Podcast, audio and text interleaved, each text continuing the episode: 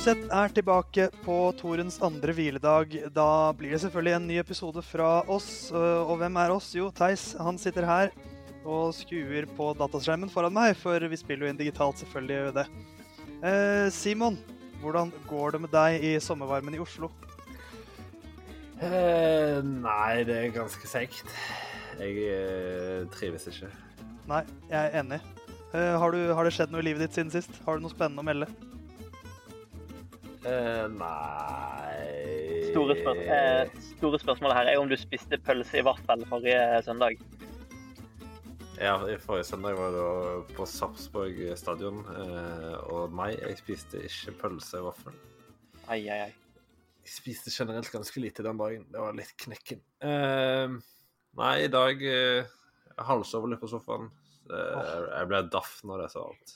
Det er jo ikke noe mer spennende enn å halse over litt på sofaen. Eh, men også på skjermen min så ser jeg en nyklippet Knut eh, på hjemmebane med bjellesauer bokstavelig talt i bakgrunnen. Eh, har det skjedd noe spennende i ditt liv siden sist, Osterøy-gutt? Uh, nei. Nei. Ingenting. Nei. Er søren, for noe spennende liv dere lever. Jeg skal Nei, ikke skryte for mye, heller, men Jeg kan si hva jeg har gjort. Jeg har hovedsakelig sykla og jobba. Det er jo relativt spennende. All den tid jeg jobber med Tour de France. Så ja, dagene er fine, de, selv om de kanskje ikke er sånn spektakulære. ikke sant. Er det noen som lurer på om jeg har opplevd noe spennende siden sist? Ja! Jeg har, eh, jeg har egentlig ikke opplevd så mye spennende, men jeg har gått opp litt i vekt. Uh, og den vekten jeg har gått opp, det er noen milliliter med noe væske fra en produsent som heter Pfizer. Tenk det. Nå er Theis også i gang med vaksinasjonen. Eh, så det er ikke verst. Da kan jeg eh, fortsatt leve som jeg pleier med forholdsregler. For man er ikke vaksinert før man er fullvaksinert, si. Men eh, du har jo vært ute og løpt midt på natta, da. Det er jo litt spennende. Ja, men det er fordi at når jeg Når, jeg, du, når du tenker at jeg, skal, jeg må løpe i dag, men jeg, jeg tar det etter EM-finalen For den blir jo ferdig til 11, og da går det fint. Men der blir det ekstraomganger straffekonkurranse, gitt. Så da løper jeg langs Akerselva etter midnatt. Og det var en fin opplevelse, det. Satt ny pers på 10 km, så får jeg lurt inn det òg. Sterkt. Men nok dilldall om uh, vår kjedelige liv med halshoving på sofa, bjellesauer og vaksine. Uh, Tour de France er nesten i mål. Det er seks etapper igjen idet vi spiller inn dette um, søndag kveld. Mandag. Mandag kveld. det, er, det kan jeg jo si at når man uh, jobber med Tour de France og kommenterer Tour de France, dager betyr ingenting. Men jeg burde jo husket at siden det er hviledag i dag, så er det mandag. Godt poeng. Men vi må begynne med det viktigste i Tour de France, nemlig sammendraget. Og summa summarum den andre uka ingen endringer. Eh, Ben O'Connor spratt opp på andreplass, datt ned igjen. Eh, Guillaume Martin spratt opp på andreplass, datt ned igjen. Så status Elsa er at etter eh, søndagens etappe i Andorra, så er topp fire i sammendraget nøyaktig eh, det samme som det var da denne uka starta. Med de samme rytterne, med de samme avstandene. Connor var eh, vel, var vel på andreplass når forrige uke starta? Ja, Ja, det var han vel, men, ja, ja, men etter første etappen så datt han ned. Så vi vil si at siden tirsdag kveld så har uh, sammendraget vært det samme, som er Tadej Pogacar på toppen. Rigoberto Uran, gamle Mick Jagger, han er 5,18 bak. Jonas Wingegård og Richard Carapaz på 5,32 og 5,33. Jeg, jeg vet liksom ikke helt hva jeg skal si om det, men eh, Knut eh, Sammendraget har jo satt seg veldig. Og jeg syns vi har fått mange spennende etapper, men det skjer jo ingenting i sammendraget. I hvert fall ingen endringer. Mm. Altså, spørsmålet er jo da Syns vi det er kjedelig når det ikke skjer noen endringer, eller er det likevel spennende? Altså Det du spør om, da er reisen ikke målet. Ja. Og reisen har jo utvilsomt vært underholdende, syns jeg. For sånn som på Mont Ventoux, hvor Jonas Vingegård klarer det som ingen trodde var mulig, å få noen bulker inn i den eh, gule rustningen til Tadej Pogacar. Da ble i hvert fall jeg veldig gira. Jeg vet ikke om du ble gira, Simon, eller lå du på sofaen og halvsov? Uh, jeg var på sofaen, men jeg halsa jo ikke. Uh, Du halvvåkna litt? Uh, eh, nei, det var ganske Ganske stort å se. Det var Etter den første uka så, så virka det som om Pogacar bare var på et nivå høyere enn alle andre. Eh, og på en måte hvis du ser på tider og sånt, så, så Pogacar kjørte jo, kjørte jo raskt eh, i den eh, helga der i den første uka, men det var først og fremst konkurrentene som var på en måte litt under par i. Eh, mye av det skyldes nok til en viss grad være. Pogacar trives jo veldig godt i, i litt sånn ja, utfordrende vær og vind. Uh, og når det da på en måte var fint vær oppvendt to, så, så, viste jo Vingård at han har et fryktelig fryktelig høyt nivå. Og, og det var ganske rått å se hvor raskt han bygde seg opp en så stor luke. Nå ble det jo alt henta utfor, så det på en måte summa summarum har du ikke så jeg sier. Han sitter ikke igjen med så mye, men eh, han eh, viser jo Vingård at han Altså, vi, vi, visste jo at han var god, men jeg trodde ærlig talt ikke han var så god, for å si det sånn. Nei, det tror jeg ikke det var så mange som trodde. Han tidligere fiskefabrikkarbeideren. Eh, og så har vi jo sett potensialet hans. Nummer to i Baskeland rundt, f.eks. Eh, vant kongeetappen kongetappen i UAE Tour tidligere i år, selv om det var litt av taktiske årsaker. Men, eh, men han eh, var plutselig den beste klatreren i toren. Og så vil jeg jo si at sånn, altså Som du sier, Simon, det, det, var jo avstander på toppen. Han tok 40 sekunder på bare noen kilometer. Eh, hadde, vært en, hadde vært en bedre utforkjører der framme, og hadde ikke Carapaz og Uran kommet opp, så kunne, det, kunne, vi snakket om at han kanskje kunne tatt minuttet på, på Pogacar. Og så hadde vi jo, vi, vi pratet jo om før toren startet, startet, at denne Andorra-etappen, der kan det skje, bli store avstander. Eh, det skjedde jo ikke, eh, men det var jo også mye pga. den veldig, veldig sterke motvinden. Eh, på toppen av Poiten Valira. Så jeg ser noen har murret litt om at det har vært en dårlig designet løype i andre uka her. Er du enig i det, Knut? Eller er det uflaks med på en måte ryttertypene som får avstand på Oven 2, og været på Andorra-etappen? Eller kunne man kanskje ha gjort noen grep for å skape en litt mer dynamisk andre uke i sammendraget? Ja, det kan jeg si etterpå om det eventuelt har noe grep jeg ser for deg de kunne tatt. da. Men Jeg kommer ikke på noe sånn umiddelbart. Men det har jo òg litt å si at Pogacar har fått en veldig stor ledelse, samtidig som det er mange som har velta ut. Og det gjør jo at den sammenlagtkampen blir litt låst, all den tid det er veldig jevnt rent nivåmessig. Og når Pogacar i tillegg liksom har eh, kanskje ikke gått ned et nivå, men liksom gått litt mer tilbake til normalen, så ja, det blir jo litt sånn, da. Men uh, det hadde jo uh, Hadde ikke Pogacar fått den kjempeledelsen på de to første fjelletappene, hadde det vært ganske likt nå, så tror jeg vi hadde sett de etappene utspille seg på en helt annen måte. Så jeg tenker jo først og fremst så handler det veldig mye om hvordan sammendraget har tatt seg.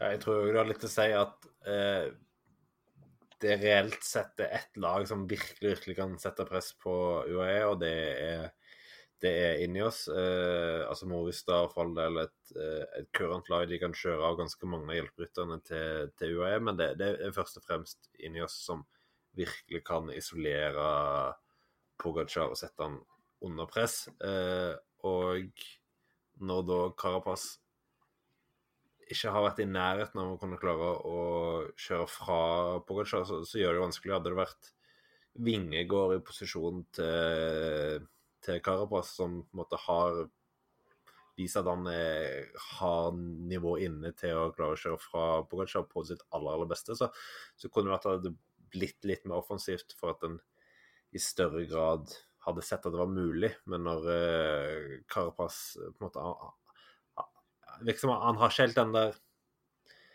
X-faktoren eller uh, ekstra eksplosiviteten som, uh, ja, som Pogacar f.eks. har. Altså, han klarer ikke å rykke fra han, og han klarer ikke å være en diesel som kjører fra han, så, så Pogacar har det ganske, ganske greit med å forsvare Carapaz, og da, da blir det jo litt vanskelig å utfordre han skikkelig.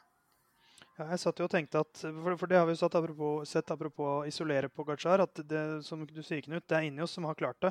Og med en gang de virkelig begynner å kjøre, så tar det ikke lang tid før Pogacar sitter der eh, så å si helt alene.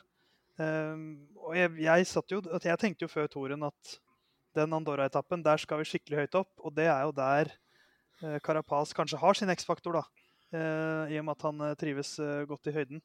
Men det fikk vi jo aldri sett helt sånn skikkelig pga. den sterke vinden. Og jeg tror vel kanskje at planen til Inios egentlig var at Carapaz skulle prøve å gå over toppen Og så hadde de jo van Barlo og Castrovejo i bruddet som kunne hjelpe han etter det. Men det ble jo heller bare til at de satt og kjørte i feltet. Um, så det ble jo ikke så store avstander. Men, uh, men det er jo fortsatt en siste uke her. Um, så er spørsmålet hvor mange som uh, nå kjører for å vinne toren, og hvor mange som kjører for et uh, podieplass. Og noen skulle kjøre kanskje med et litt sånn håp om å vinne toren, men samtidig ville ikke risikere podieplassen sin. Jo, det er jo kanskje den store avstanden som gjør at det er litt vanskelig å tenke vi må kjøre for seier. Men med siste uka foran oss det skal være målgang på Code Portin og på Lus Ardiden. Og så er det en tempo på lørdag. Eh, det er jo basically de sammenlagte etappene vi har igjen.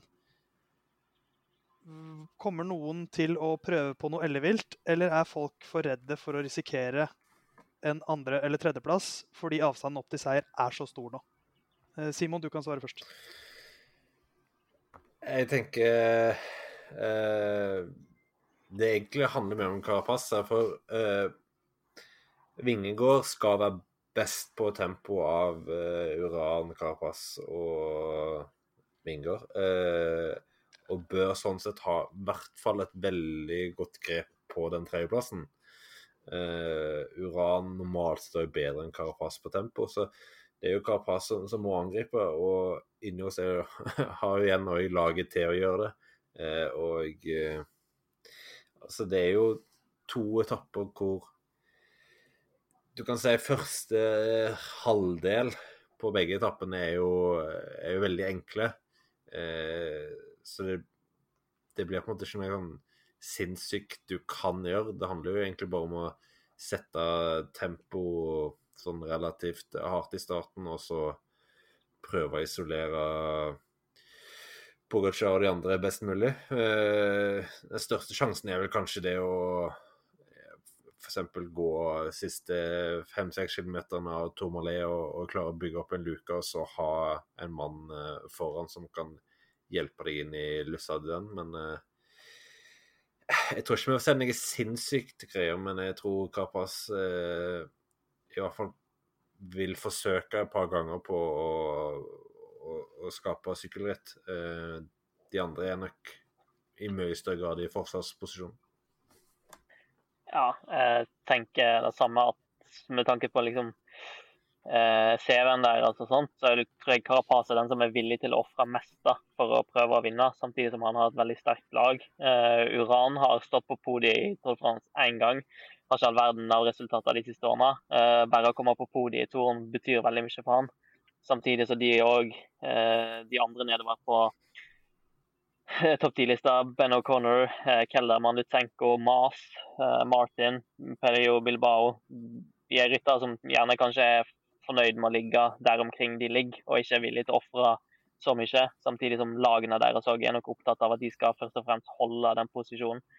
Så hvis det er noen som prøver på noe veldig ellevilt, så tenker jeg det er inne hos Carapaz. Ja, vanskelig å være uenig. Uh...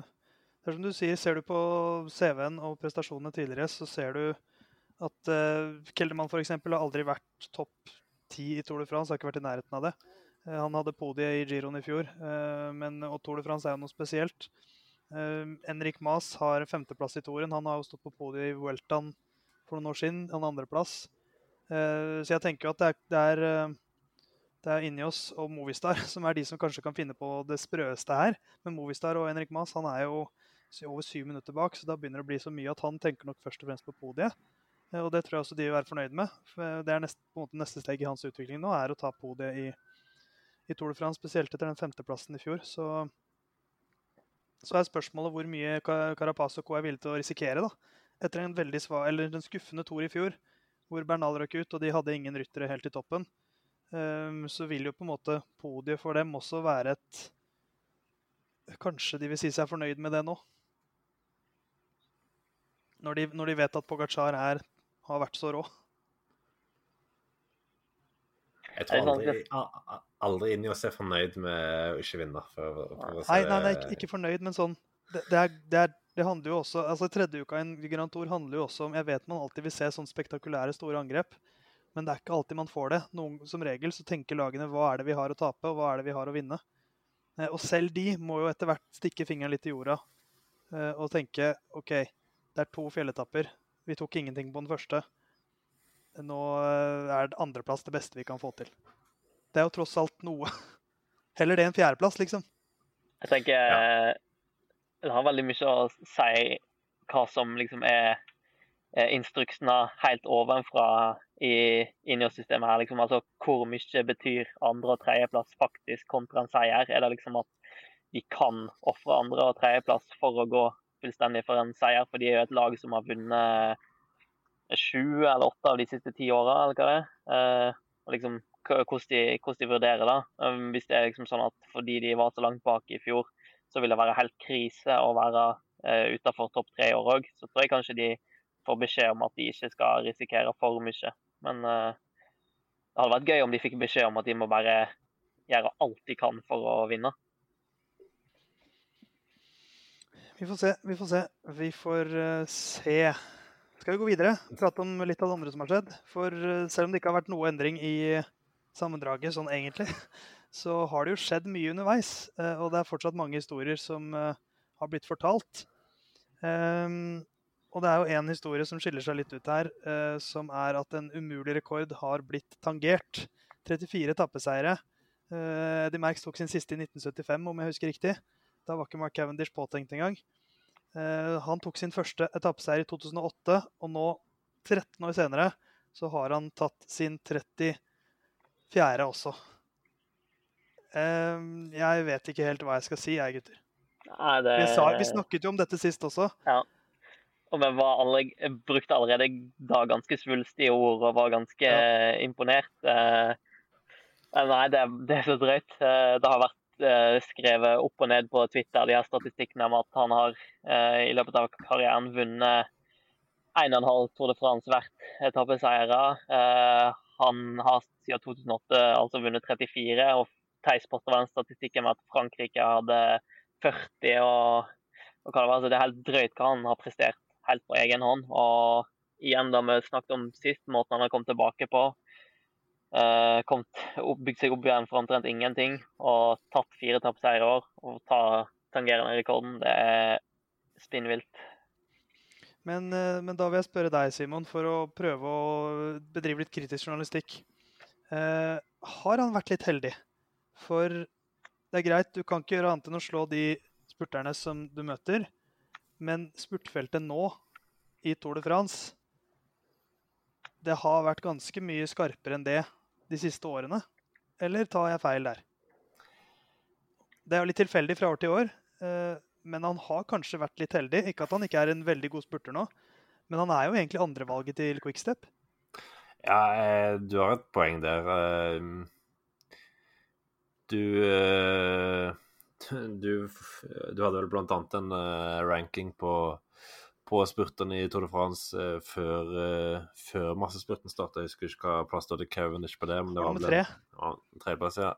Og altså, Juen forsvinner ut tidlig. Merlier forsvinner ut i, i fjellene første uka eh, etter å ha vunnet en etappe og så kjørt opptrekk, selv om jeg tror de aller fleste er enige om at han er raskere enn eh, Philipsen. Eh, DeMar kom aldri inn i rittet. Bol og Pedersen har sett han småtung ut hele rittet. Eh, Bennett eh, hjemme. Eh, I det hele tatt det, Årets Tour de France har vært et paradis for spurterne, men, men det er veldig få av de som har kommet i toppform eller har klart å holde seg i rittet. Eh, så sånn sett så, så har jo på en måte alt klaffa for Cavendish. Eh, og sånn som Toren har utspilt seg, så i hvert fall etter at Merlier eh, forsvant ut, så, så er det jo ikke tvil om at på de etappene han har vunnet, så, så har han jo vært den raskeste. Altså det, ja, ja, han har fått, har fått fantastiske opptrekk òg, men han, han er jo den beste spurteren av, av, av de som er igjen. Altså, han akselerer akselererer veldig fint forbi eh, Philipsen, eksempel, når han, eh, når han vant den etappen til, til eh, han er på et eh, veldig høyt nivå. Eh, og så er jeg, det jeg er mest imponert over, er jo egentlig at han fremdeles er i rittet.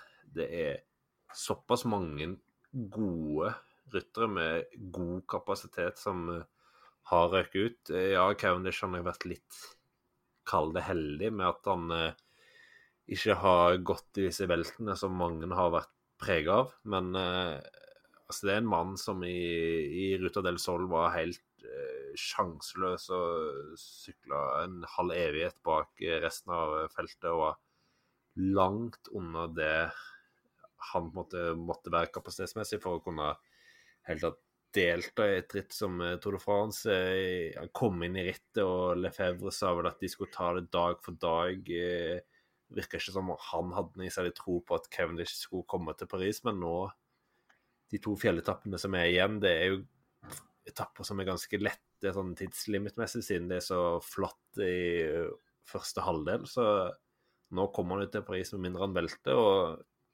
det er for min del egentlig òg ekstremt imponerende med tanke på hvor vanskelig han har hatt det de siste sesongene med tanke på å kjøre ritt. Han har jo ikke kjørt noen eh, Grand Tours det siste året. Siste Grand Touren har fullført det er vel i 2016-2015. Altså det er en god stund siden. Eh, så at han i hele tatt står rittet så bra. Nå får vi se om han klarer å vinne den siste uke. Han er i hvert fall storfavoritt inn til Paris. Eh, klarer han å trone det med enda en seier, så er det jo bare en eventyrhistorie. Så får vi se, da. Ja, men det du trekker frem her med altså, han har, et, han har verdens beste opptrekk, eh, og så har han vært kanskje litt heldig med måten rittet utvikler seg på motstand og sånt, men han skal jo òg ha vanvittig mye kred.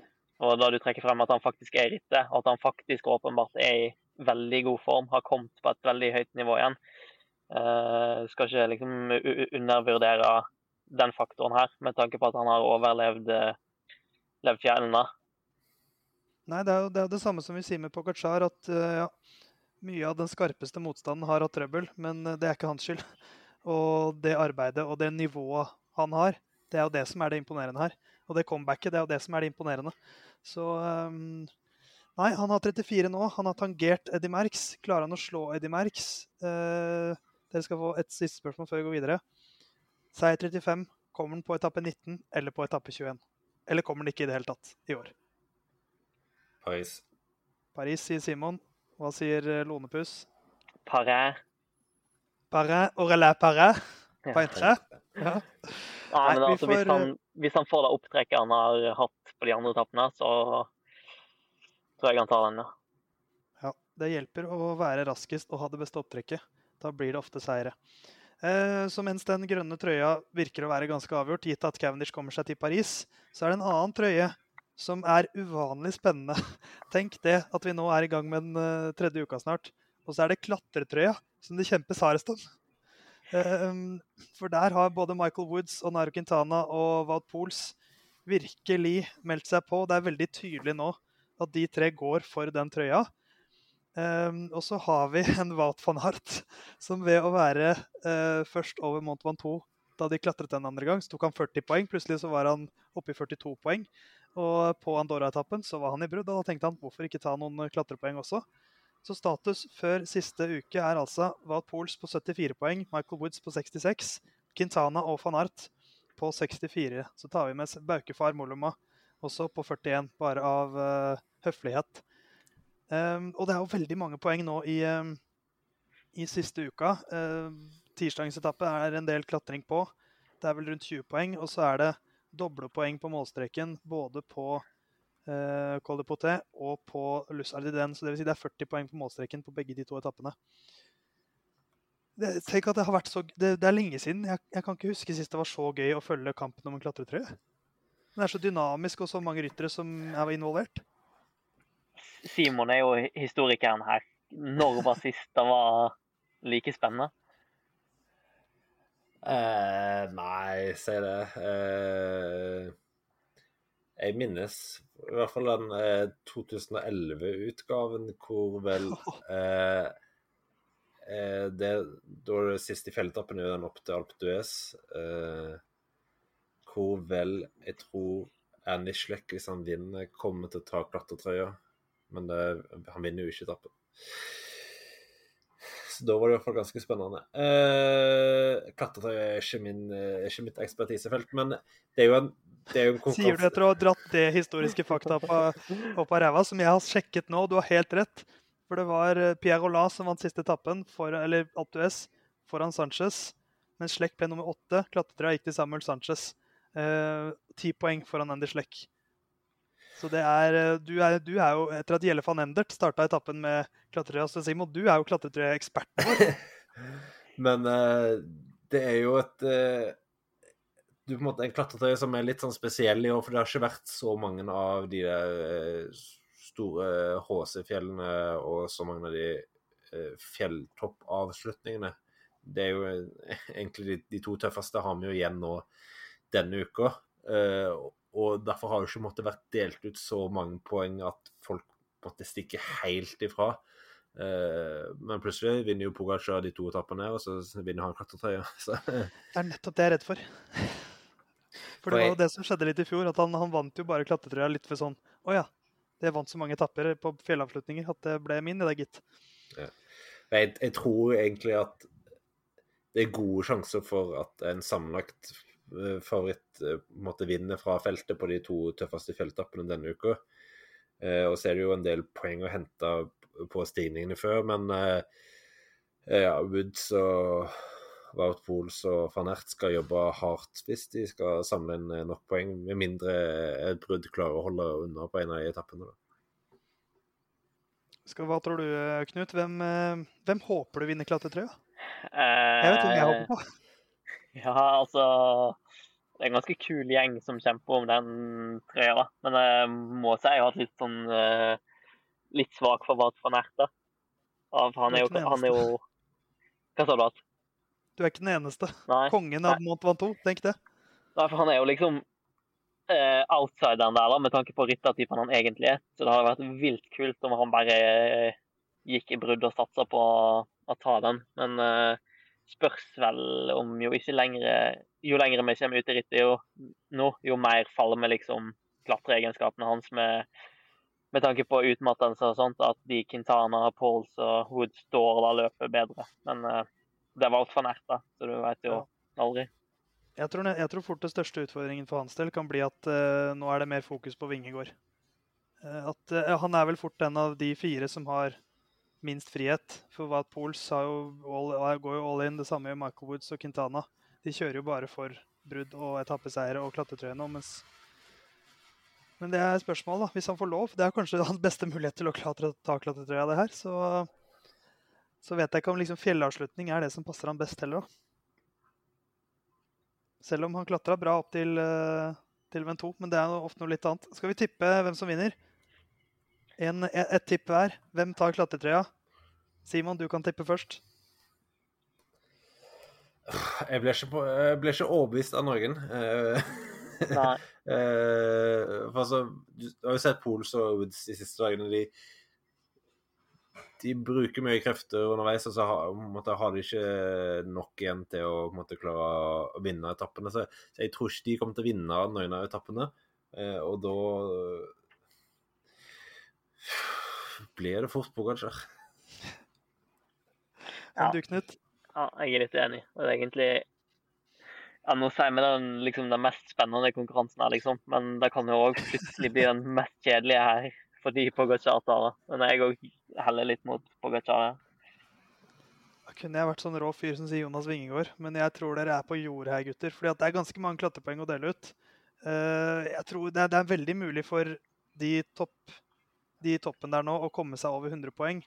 Eh, og hvis de gjør det, så må Pogacar vinne et å i begge de fjellavslutningene. Eh, så jeg går for eh, han som er på en måte en av de sånn underligste, morsomste fyrene å se på i feltet, nemlig eh, Wat Pols. Han som leder.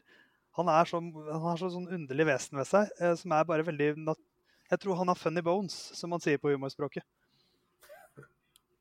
Og så emneknaggen Where's Wout, som han er så glad i, jo, han er i klatretrøya, han i Paris. Ja, jeg, jeg, har mest tro på han av de på en måte Kall det ja. bruddrytterne. Uh, han, uh, han har åpenbart et bedre kick enn en Woods, uh, i hvert fall når det er litt slakere enn øyet. vist noen veldig, veldig gode langspurter de siste dagene, så uh, Så han uh, har gode sjanser, men han må nok i hvert fall være i brudd to av dagene for å ha det, ha det sikra i løpet av de neste tre dagene. Hei! Adrian og Stien i Bioracer Norge her. Vi i Bioracer vet at det er mange av Musets lyttere som også liker å sykle. Og da bør du høre etter nå. Vi i Bioracer leverer tøy til profflaget UnoX samt mange klubber og bedrifter rundt omkring i Norge. Men nå har vi også lansert en helt ny webshop der du kan handle lagervarer direkte av oss. Nettbutikken heter bioracernorge.no, og med rabattkoden MUSETT så får du nå 15% på hele butikken. Kos deg på sykkeltur i sommer med klær fra BioRacer. Tre nordmenn var det som la ut fra Brest. Det blir ikke tre som kommer til Paris. Edvald Baason Hagen han eh, måtte gi seg. Han kom seg i mål da, på Andorra-etappen, men var altfor langt bak tidsfristen. Eh, ikke noe klart svar på at noe var galt, det bare var tomt. Og han er jo ikke den første rytteren som har hatt en sånn opplevelse eh, gjennom Tour de France-historien. Luke Rowe og Arno Demar blant annet har jo opplevd det samme. Victor Kampenars, mange ryttere som har hatt en sånn uh, exit, og mange som har røket på tidsfristen. Men trist å se Edvald på den måten, og spesielt trist, Knut, og litt sånn vondt å se intervjuet med han med TV 2 etter målgang og en video fra Total Direkte Energi, hvor det er tydelig at dette er en ganske rystet Edvald Baason Hagen som kommer seg i mål.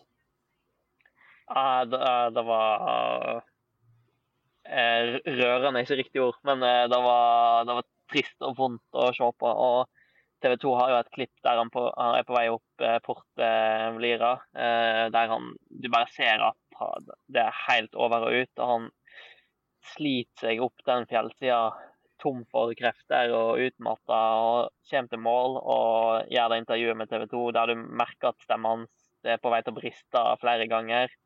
Og i den Total Direkt, eller Total Energis-videoen, så rister han masse på hodet, og du ser han sliter med å holde tårene tilbake. og ja, Det, er, det var blytungt å se på. Men uh, han skal ha veldig masse kred for at han faktisk fullførte den tappen. For han røyk av tidlig, tapte masse tid veldig fort.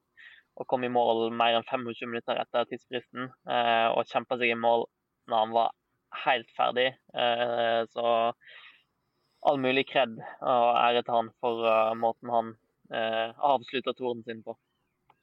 Ja, han kan absolutt forlate toren med, med hodet hevet, synes jeg. Det, eh, men, hva, men, hva, skal vi si, Simon, hvis vi prøver å dissekere det som har skjedd litt her? da? Han, han kom jo litt sånn i underskudd inn i Tour de France, en skade som gjorde at Sveits rundt røyk.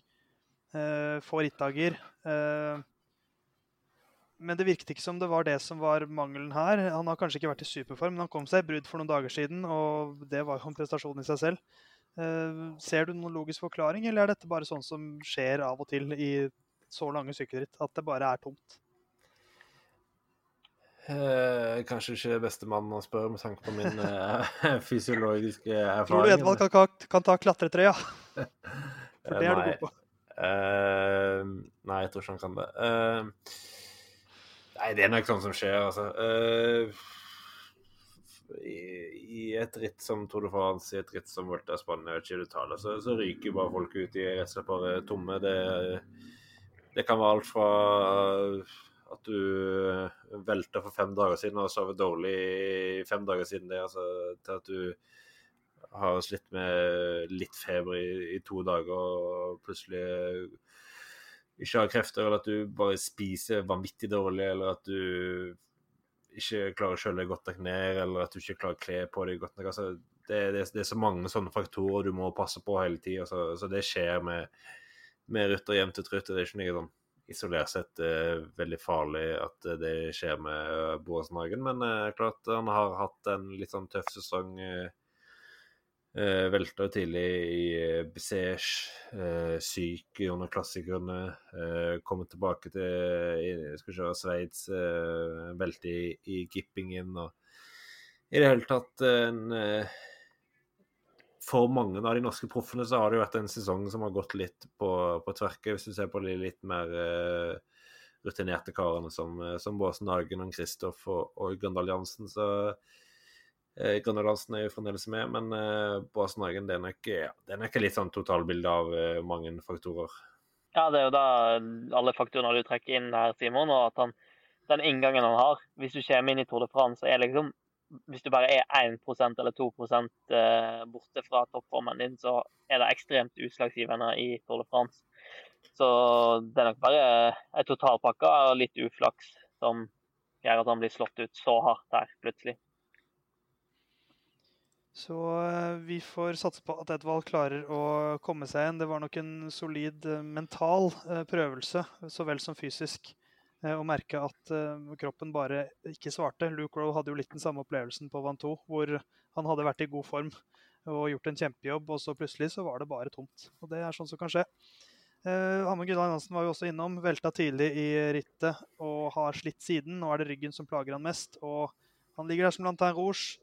Uh, var usikker på om han skulle fullføre Andorra-etappen. Kom seg jo faktisk ganske greit i mål. Så uh, jeg håper at etter en hviledag og et par dager hvor han kanskje klarer å karre seg gjennom, så, så kanskje han kan hjelpe Michael Matthews på de siste spurtetappene, eller noe sånt, eller i hvert fall komme seg i mål. Tung opplevelse også for Amund, den toren her. Eller så drar han hjem til Andorra. hjemme i Andorra, kanskje. Ja. ja. Det er nok, det er nok fristende. Det kan hende, det òg. Ja, det kan, kan hende han, han, eh, han, står av, at han har stått av når du hører på den her. Ja. Men uh, nei, Simon trakk jo frem her i stad at det er en del av de norske proffene som har hatt litt tunge sesonger. Og Amund har jo hatt en drittsesong uten like. Fikk klassikerne ødelagt av sykdom etter han ble syk i Paris-Nice. Så lovende ut i Ruta del Sol i mai i Andalusia. og så ble han dårlig med magen i Sveits. mulig da ikke var så uh, big deal. Men så velta han jo tidlig i rittet og for hele Tour de France ødelagt og kjører liksom hele veien for å prøve å komme seg til hektene igjen. Men får noen problemer med ryggen. Så ja, jeg syns forferdelig synd på armen. Så uh, opp i ringa. Det er en flott høstsesong også for Amund Gran Hansen, som jeg tror han er veldig veldig gira på å prestere i. Da er det mange kule endagsritt som passer ham veldig godt, og ikke minst en skikkelig rosin i slutten av sykkelpølsa. Eh, som er et VM i Flandern fullt av Paris-Roubais uka, etter. Så det er jo egentlig en, eh, en sånn monumentduo, bare at det er VM og Roubaix istedenfor Flandern og Roubaix. Så fortsatt muligheter. Topp ti Paris-Roubais. Det, det, skal vi ha med i år. Men det er ikke bare tristhet og skader og tomme kropper blant de norske rytterne i Tour de France. Vi må prate litt om Vegard Stake Lahengen også, for uh, mens de to vi har snakket om, har hatt nok med seg selv, så har jo Vegard Stake Lahengen vært en av de mest synlige rytterne i årets Tour de France. Ja, du blir synlig når du ligger med i, front av feltet, og det, det har jo Stake Lahengen gjort. Det var jo det han ble eh, henta inn eh, for å gjøre, og han har vel ja, gjort den eh, jobben som han eh, skulle, som han så ofte gjør. Du vet hva du får med, med Vegard Sakerlangen. Og bare for å presisere da, den jobben han gjør, det er kanskje bare å ligge i front av feltet, men den er overhodet ikke enkel. Altså, Han sitter i front og holder farta oppe dag inn og dag ut. Den totalbelastninga der blir vanvittig høy til slutt. Eh, så det Stake gjør, er veldig imponerende. Veldig viktig arbeid. Ja, han er jo, eh, altså, det er jo som du sier, det er, ikke, det er, ikke, så mange som kan gjøre den jobben så bra. Man snakker mye om Tim de Klerk, eh, men, eh, men Vegard Stake Lagen er jo litt samme typen. og mange ryttere hadde hatt det ganske tungt etter en sånn økt. Sånn som på Andorra-etappen, hvor han, han, satt vel og kjørte i feltet da Edvald måtte slippe. og han kjørte jo av en del ryttere. Han har jo ikke vært i nærheten av å ryke på noen tidsfrist eller noe som helst. Og han er en ganske stor og egentlig relativt tung rytter. Så han har en enorm kjørestyrke. altså så jeg skjønner hvorfor hver gang jeg snakker med Stig Kristiansen om Vegard Stake Langen, så sier han alltid han er en sportsdirektørs drøm. For, for, du, du, det, er, det, er, mange ryttere som er sterke, men Vegard har også bare sånn, han er så lojal og gjør, gjør, det han blir satt til å gjøre, til punkt og prikke, helt til perfeksjon hver eneste gang. Så det er da jeg skjønner hvorfor UAE tar han ut i Tour de France for tredje år på rad. Han er den eneste rytteren i UAE som har vært med i Toren tre år på rad. Så eh, det er greit. Vi har ikke noen norske topp ti-resultater i årets Tour de France, som er jo litt trist. Men det er litt naturlige svingninger, og ting går opp og ned. Eh, men vi har Vegard Stake Laengen, som er i ferd med å vinne Tour de France for andre år på rad. Eh, så han har jo virkelig Stakan har staket seg ut en veldig fin karriere selv, altså. Etter, etter han nå kjørte Edvald ut av Tour de France, skal vi gi han kalle navnet Bøddelen fra Asker? altså, vi liker jo å komme opp med kallenavn her, så vi kan godt Det er noe, det er noe altså, Vegard Stake Lagen er verdens snilleste og mest ydmyke fyr. Så at han er en bøddel, det liker jeg veldig godt. Så Vegard Stake Lagen, bøddelen fra Asker. Men uh, apropos kallenavn, det her var jo egentlig noe vi skulle ta før Tour de France starta, ja. når uh, Bike Exchange lanserte Amund Grønn Alliansen. Uh, som Grundal the Great. Ja, det er. Er vi fornøyd med det? Ja, gi meg litt tid, så skal jeg komme på noen bedre forslag på kallenavnet der, altså. Ja, den er veldig love, enkel. Det skal jeg love en gang i høst. Så skal jeg komme med topp åtte, i hvert fall kallenavn på Amund Hansen. Så uh, alle norske ryttere må ha et kallenavn. Det er min misjon.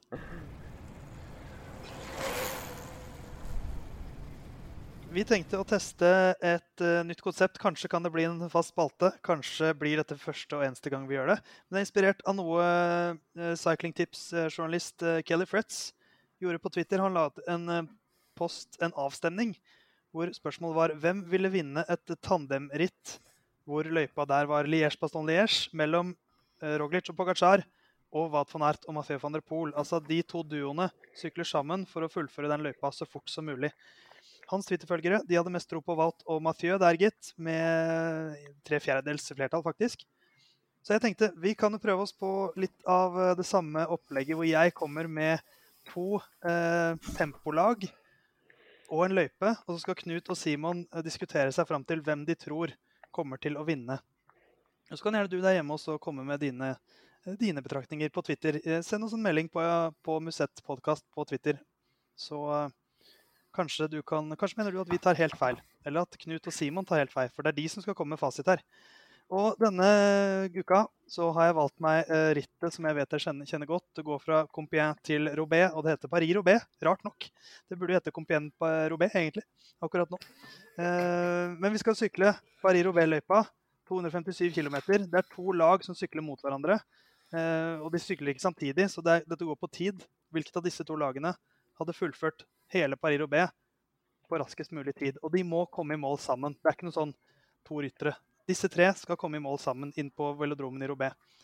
Lag A det er besatt sammen av Esteban Chávez, Marco Haller og Dylan van Barle. Det er et uh, kjøresterkt og anvendelig lag, det. De er sikkert i forkant, men van Barle må passe seg. Havner han i forkant, så mister han lagkompisene her. Det er lag A. Lag B det er Luke Rowe, Nils Pollitt og Mark Soler. Og jeg minner om at her må alle tre i mål sammen. Så jeg vet ikke, eh, Simon og Knut, hva tenker dere? Det er altså Esteban Chávez, Marco Haller og Dylan van Barle mot Luke Rowe, Nils Pollitt og Mark Soler. Nei, Premisset er at det er en lagtempo? Det er en lagtempo. Disse tre rytterne kjører hver for seg. Altså, altså disse, tre, disse to lagene sykler hver for seg. Første lag, eller det laget med best tid, er det som vinner denne duellen. Og alle tre må i mål sammen. Uh, umiddelbart uh, så tenker jeg jo at uh, Chávez-Soler-duellen her vinner Chávez, fordi Chávez kommer fra tøffe oppvekstkår. Uh, han er tøff i hodet, mens um, Soler han er ganske lett å knekke. Så én punktering på Soler på brostein, så er liksom Så blir han sur? Da, da har du det gående. da begynner han å banne og sverte og plage Luke Rowan ja, altså, så de bare stikker fra.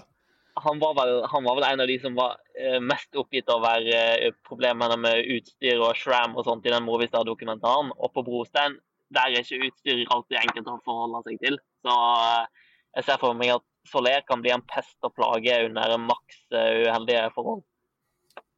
Hva tror du, Simon? Bare et spørsmål. altså. Er det sånn at de har en en dedikert følgebil, eller må de skifte hjul sjøl? Vi kjører ikke helt gammeldags. De får, altså, de får moderne hjelp. Så de, får, ja. de, har en dedikert følgebil, eh, som er Team A og Team B sin følgebil. Ja. Men, eh, men, fordi at Knut trekker jo fram her duellen Soler-Chávez. Jeg tenker jo at Soler har kanskje mer fysikken til en, en brosteinsrytter, men Chávez har kanskje hodet. Men så har jo Soler kanskje litt sterkere hjelp, da. Roe Pollitt versus Haller van Barle. Ja, jeg syns eh, hjelpen er ganske god for begge. Kanskje en liten knapp på det Soler-laget, og Soler har jo jeg sjekka så vidt opp. Han har jo faktisk kjørt uh, Robé en gang før. Riktignok en DNF, men han har jo kjørt brosteinstapper i Tour de France. Han har i hvert fall litt mer erfaring enn en, Chavito. Og samtidig så er det jo sånn at vi har jo sett at eh, klatrere har kjørt veldig over brosteinstapper i Tour de France før. og, og altså, Brostein handler jo så mye om posisjonering, så hvis du kjører en, eh, en lagtempo, så, så er det jo egentlig ganske enkelt å kjøre et ritt som Paris-Roubais.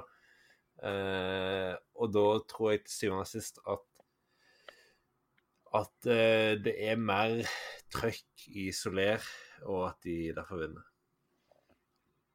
Er du enig, Knut? For da har Simon valgt litt. Hvis dere ikke klarer å velge, så må jeg velge. Jeg er litt, litt, enig med Simon, ja. Ettersom det er en lagtempo og det er liksom litt mer sånn kontrollerbare forhold, så holder jeg kanskje en liten knapp på de. Men liksom, hvis Soler får knekken, så uh, ja. Men, det, er veldig, det, er veldig, viktig at han unngår punktering, ja, tror jeg. Men, ja, for, for Chavez, altså, Chavez smiler jo alltid og bare ja, ja, kjør på. Uh, happy-go-lucky. Så uh, jeg tenker de har en liten uh, fordel akkurat der. Men uh, det er jo nødvendigvis ikke så problematisk med utstyr og sånt på, på en lagtempo. Og uten all den pos posisjonskampen, så jeg støtter Simon. Men jeg kom på en annen ting. Eh, snakker Soler eh, engelsk i en særlig god grad? Altså, Kan kommunikasjon bli et problem? For Chavez har jo vært Chavez har vært på engelskspråklig lag, så han kan jo i hvert fall engelsk godt. Jeg, jeg, vil, jeg, vil, tro han snakker godt nok sånn sykkelengelsk. Sånn type føring. Eh, altså pol, pol, pol. Venga, vamos! Eh, fuga de la fuga. Altså, det, jeg, jeg, tror han har liksom syk... Jeg tror Jeg tipper at sykkelengelsken hans er god nok. Knut ser skeptisk ut, men Nei, jeg, jeg, er enig. Men Det virker som vi da lander på at uh, i duellen Esteban Chávez, Haller og van Barle mot Roe Pollitt og Soler, så er det Roe Pollitt og Soler som kommer først inn til Robé. Hvis du der hjemme syns dette var gøy å høre på, uh, send oss gjerne en uh, melding om det på Twitter. og skriv gjerne også hvem du tror hadde vunnet selv. Og hvis dere syns dette er gøy å høre på, så er det fort noe vi kan gjøre igjen. Og send, send gjerne inn forslag på, på dueller, da. Det er enda bedre. Kom gjerne med forslag, ja. så kan vi eh, komme med vår idiotiske dom. Helt før vi gir oss, så skal vi runde av. fordi det er uhøflig å bare gå midt i en samtale. Man må alltid si ha det først. Eh, men vi har noen ting vi må gå gjennom, Knut. Eh, vi har en konkurranse på gang som fortsatt er mulig å være med på. Ja, ja. ja. Vær så god. Tipp topp tre, eh, vår verdensberømte konkurranse. Eh, skriv en tweet til oss, eller skriv i kommentarfeltet vårt på Facebook, og tipp eh, topp tre-podiet, altså podiet i sammendraget. Eh, så er du med i trekning av ei Bioracer-sykkeltrøye. Der ligger bilde av de sykkeltrøyene du kan velge mellom på vår Twitter og Facebook. Så ta turen inn der og tipp topp tre. Det er uh, nesten en podkast med Mats Hansen. Tipp topp tre. Uh, kanskje det kan være en sånn bettingpodkast som er en slags søsterpodkast til topp tre. Man tipper hva de skal ha som sin topp tre, men det blir for mye å legge ut om nå. Uh, hvis du der hjemme liker det vi gjør og syns det er gøy å høre på oss, ranger oss gjerne på iTunes. Og, og hvis man møter deg f.eks., Simon, hva kan man gjøre da?